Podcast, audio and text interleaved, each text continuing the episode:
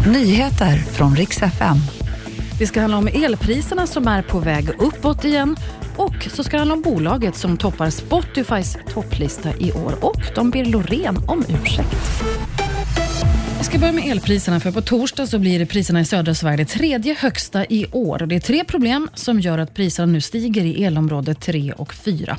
Det är kylan, det är kärnkraften och så är det Putin.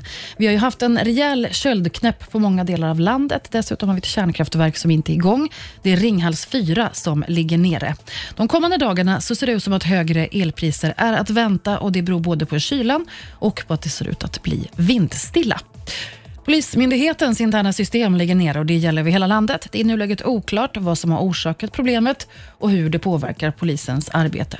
Senast i början av november så låg polisens system nere vid två olika tillfällen. Och för andra året i rad så toppar en låt från bolaget Spotifys topplista.